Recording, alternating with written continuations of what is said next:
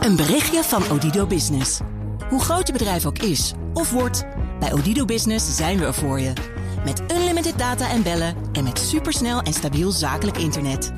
Ook via glasvezel. Ontdek wat er allemaal kan op odido.nl/slash business. Het kan ook zo. De column van Paul Lasseur. Roken is een smerige en ongezonde gewoonte, vaak met dodelijke afloop. Vreselijk om te zien hoeveel jongens en meisjes wereldwijd dagelijks verslaafd raken aan sigaretten. Eén op de vier rokers haalt zijn pensioen niet. Aan weinig dingen heb ik dan ook zo'n pesthekel als aan roken. Of het moet betutteling zijn en hypocrisie. Ons grootste pensioenfonds ABP kondigde donderdag trots aan zijn investeringen terug te trekken uit sigaretten en kernwapens. Want het ABP wil ineens verantwoord beleggen in duurzame producten. Tabak en kernwapens, voor het gemak worden ze in één adem genoemd, zijn voortaan uitgesloten. Met klaroengeschal maakt het ABP-bestuur in Heerlen daarmee een radicale draai in zijn beleggingsbeleid. Want waarom nu ineens wel?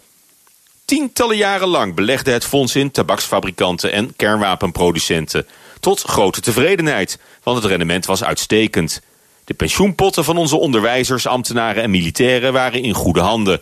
Geen haan die er naar kraaide dat hun geld voor inmiddels 3,3 miljard euro... in deze twee omstreden beleggingscategorieën werd gestoken. Waarom ook zou een soldaat bezwaar maken tegen belegging van zijn pensioenpremie... in bommen en granaten, toch zijn eigen sector... Tot voor kort stond ook de hoogste baas van het ABP, Corien Wortman... nog vierkant achter de forse investering in sigarettenfabrikanten. In april 2016 liet ze weten dat beleggingen in tabak niet illegaal zijn... en dat ze bijdragen aan het rendement van het fonds. Terwijl het ABP op dat moment al wel aangaf voor een duurzame koers te hebben gekozen.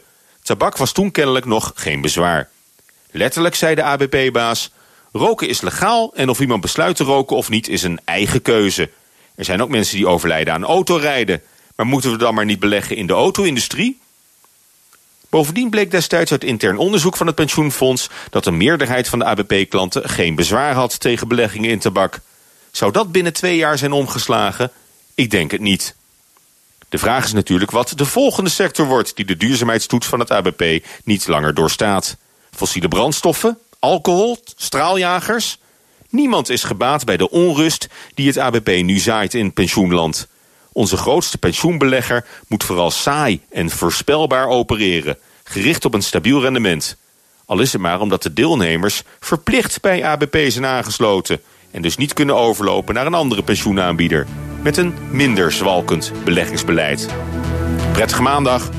En dat werd Paul Lasseur op maandag onze columnist. En u kunt zijn column terug. Een berichtje van Odido Business. Hoe groot je bedrijf ook is of wordt, bij Odido Business zijn we er voor je. Met unlimited data en bellen en met supersnel en stabiel zakelijk internet. Ook via glasvezel. Ontdek wat er allemaal kan op odido.nl/slash business. Het kan ook zo.